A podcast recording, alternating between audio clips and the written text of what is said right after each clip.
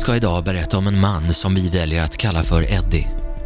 Om hur han en kväll hör röster i sitt huvud som säger åt honom att han ska skada sin mamma. Det resulterar i att poliserna senare finner modern död i hallen med sitt huvud avlägsnat ifrån kroppen.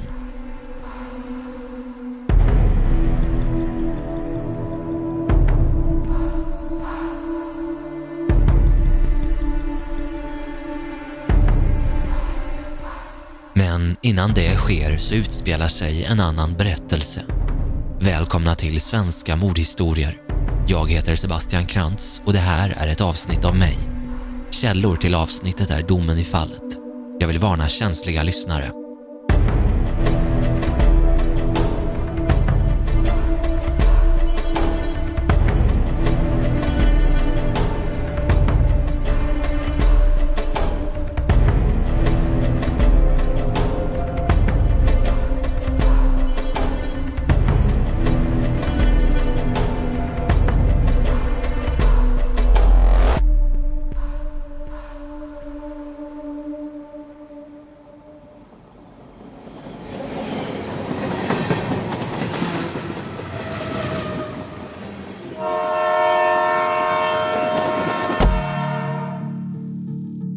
Historiens fruktansvärda slut tar sin början den 27 juni och året är 2014.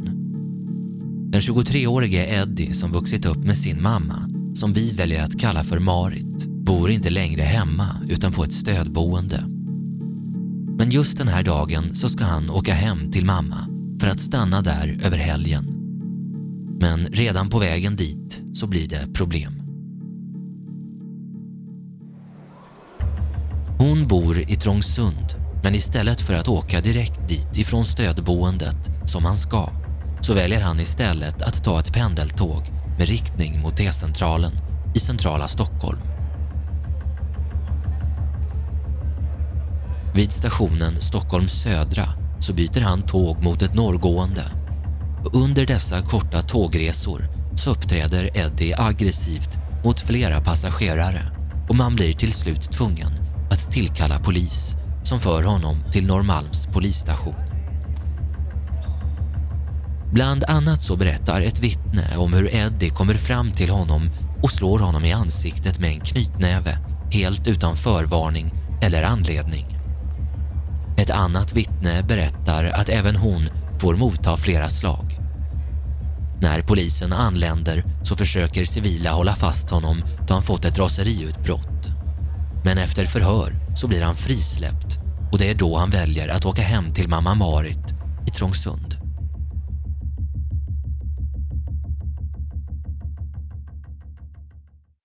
Det är dagen därpå, den 28 juni 2014, som Eddie plötsligt försöker hoppa framför ett pendeltåg. Han erkänner då också för en tågvärd att han tagit livet av sin mamma. Det är då polisen larmas dit och hittar henne död i hallen med huvudet avskilt ifrån kroppen.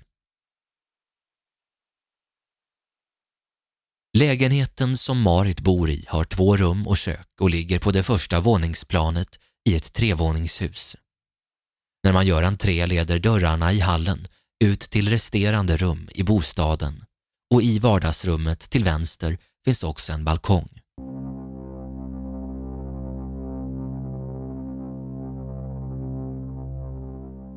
Här är Eddies egna ord om vad som inträffar eftermiddagen och kvällen den 28 juni.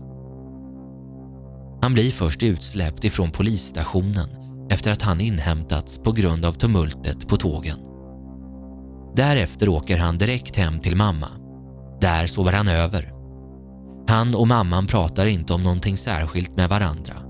Men nästföljande dag så berättar hon att hon ska åka in till stan för att äta med en väninna. Eddie och Marit var inte osams, men han börjar ändå slå henne då hon står i dörröppningen till köket. Han slår några slag mot hennes haka. Sen kastar han ner henne på marken.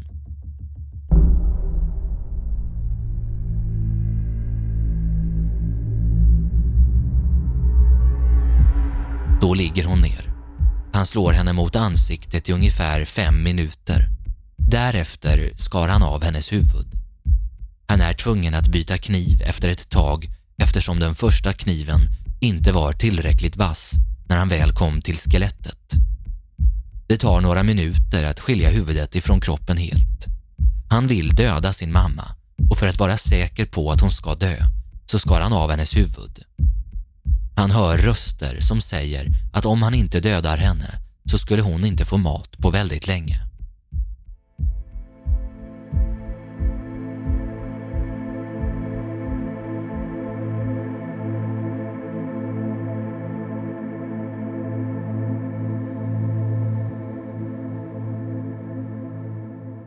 När han börjar skära mot mammans hals så rör hon sin hand lite. Hon tar tag i kniven. Det var bara när han skar de första centimetrarna som hon tog tag mot kniven och försöker att trycka bort den. Hon andas bara lite, ungefär var tredje minut.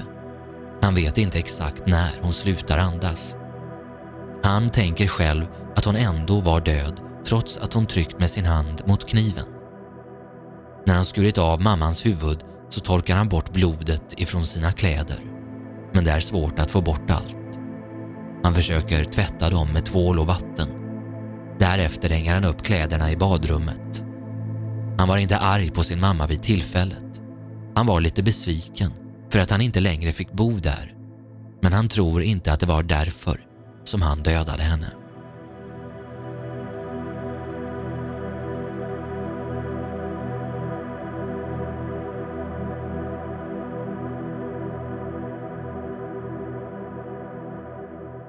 Därefter beger sig Eddie mot pendeltågstationen. Tågvärden berättar. Hon var på väg hem med pendeltåget. Hon hade precis slutat sitt pass som tågvärd. Plötsligt tvärstannar tåget och hon hör skrik. Hon går fram till föraren som berättar att han har kört på en person.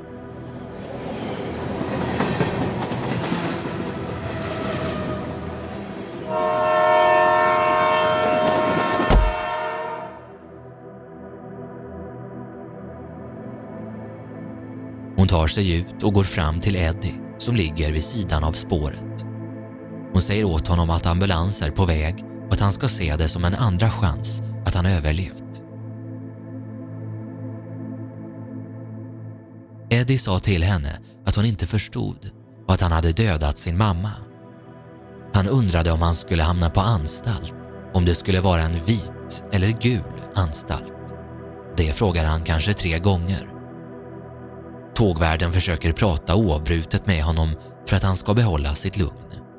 Strax därefter larmas polis och ambulans ut.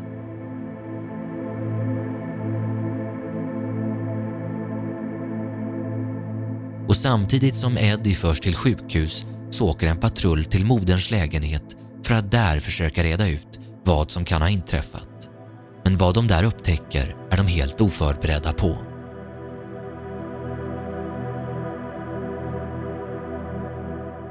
Väl framme vid lägenheten så beslutar man sig för att bryta upp dörren då man befarar att Marit som inte öppnar är skadad eller i värsta fall död, precis som Eddie säger.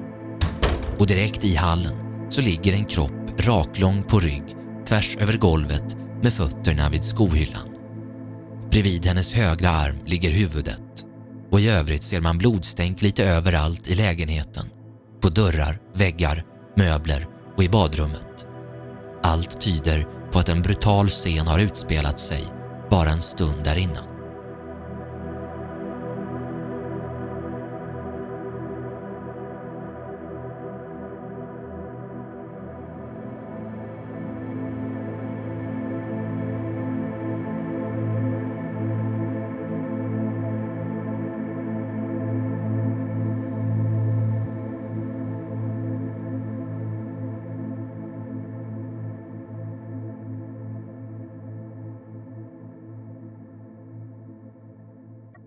På sjukhuset berättar Eddie flera gånger om vad som hänt och vid ett tillfälle så vänder han sig mot en sköterska som ska ta blodprov och säger, vi citerar.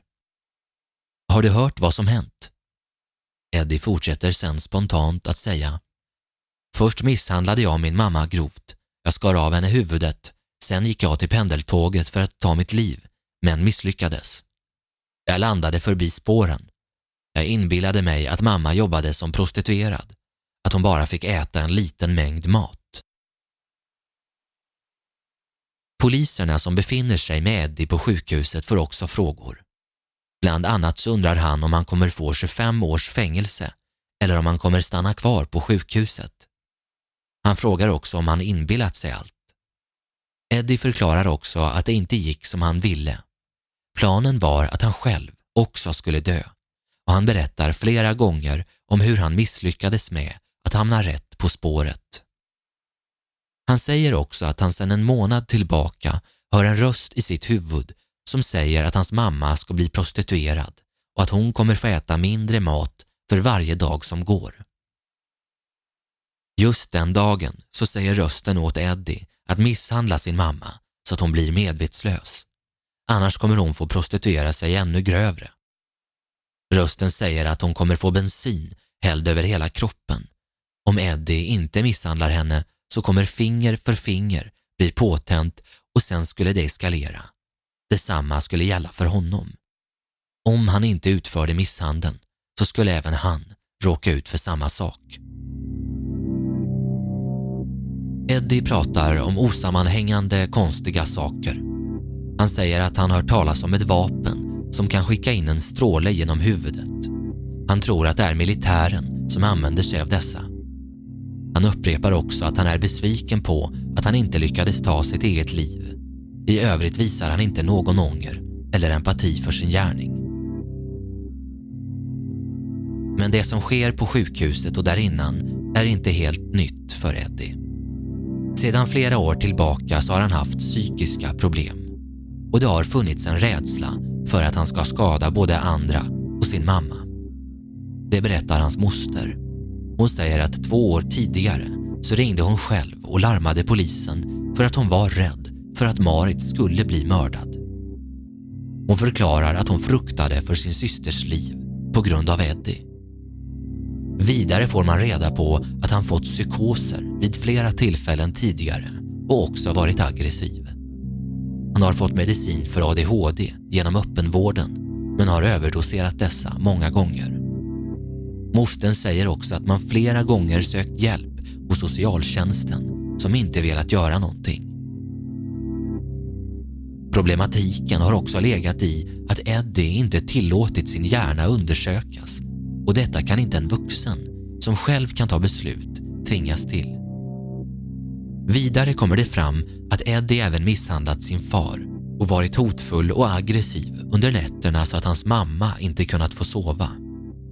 Han har också slagit sönder dörrar, speglar och kastat möbler omkring sig så att grannar vid tidigare bostäder har gjort anmälningar. Och månader innan händelsen så får mamma nog. Då hamnar Eddie på Huddinge psyk.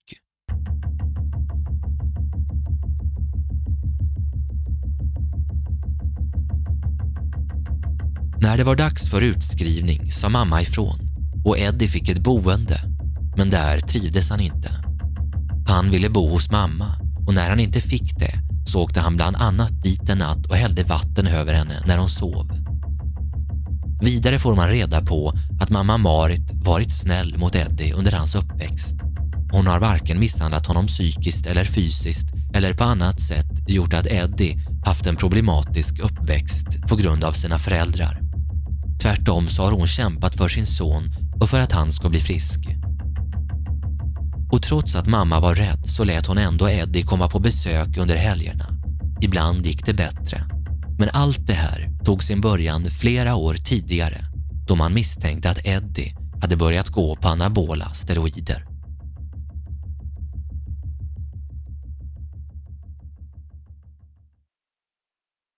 Cirka fem år innan mordet så börjar Eddie bli mycket vältränad. Han väger cirka 130 kilo har på kort varsel blivit stor och muskulös. Han har också blivit mer aggressiv och fått finnar i ansiktet. Mamma hittar också någon typ av pulver i bostaden. Cirka två till tre år innan mordet så berättar han också för mamma att det kommer hända henne något och att det också kommer hända honom någonting. Vad säger han inte? Även Eddies far berättar om problematiken. Om hur Eddie får diagnosen ADHD Asperger vid 18 till 20 års ålder och om flertalet händelser där han spårat ur. Aspergers syndrom är en form av autism. Det är en funktionsnedsättning och de flesta med Aspergers syndrom har normal begåvning. Det är vanligt att begåvningen är ojämn. En del saker kan vara svåra. Personer med det här kan också ha svårt att förstå andra människor. Många har specialintressen som de ägnar sig intensivt åt. Vilka saker som är bekymmersamma med att ha Asperger kan växla. När man är barn kanske det är svårt att förstå sig på andra. När man blir äldre kanske ensamhet är ett större problem. Det ser olika ut för olika personer. Men personer med Aspergers syndrom har flera gemensamma drag som hänger ihop med funktionsnedsättningen. Alla är ändå olika och har sin egen personlighet.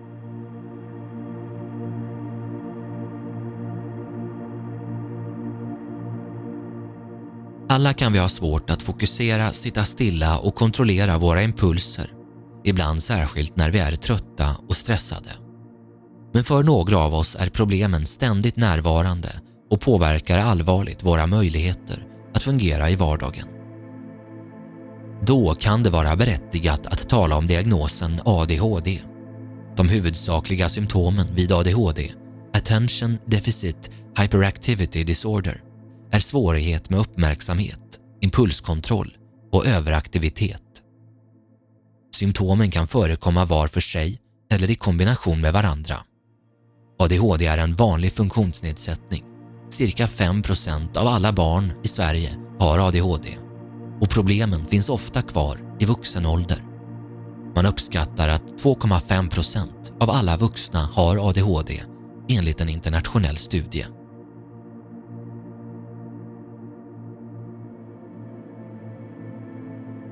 Förekomsten av självmord har i Sverige gradvis minskat ifrån 23,1 av 100 000 år 1970 till 14,9 av 100 000 år 2016. I åldern 15 till 29 år har dock självmorden ökat under de sista decennierna. Den åldersgrupp som har högst självmordsrisk är personer i övre medelåldern, det vill säga i åldern 50 till 54 år. Enligt Folkhälsomyndighetens nationella folkhälsoenkät har 5 000 av 100 000 haft självmordstankar under det senaste året och tusen av hundratusen har försökt ta sitt liv.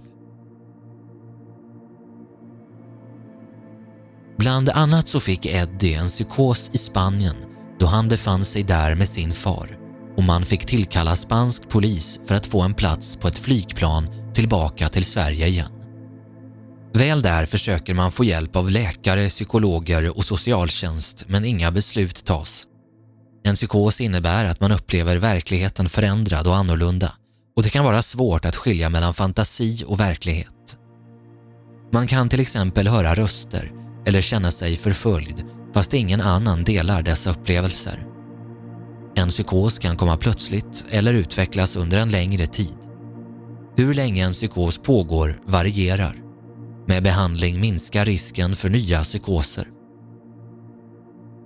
Vid en vanföreställning upplever du tillvaron på ett annorlunda sätt.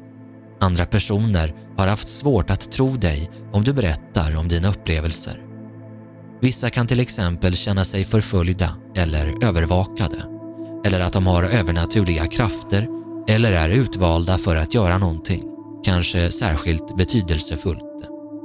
Andra kan uppleva att de är utsatta för strålning, hemliga konspirationer eller att de har direkt kontakt med kända personer, med Gud eller med djävulen.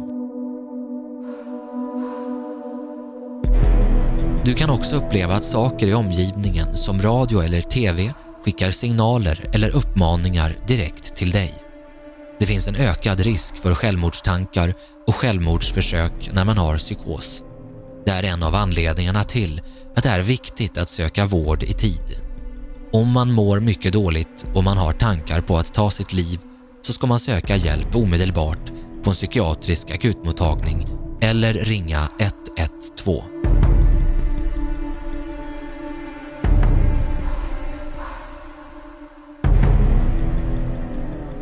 Eddie dömdes till rättspsykiatrisk vård med särskild utskrivningsprövning.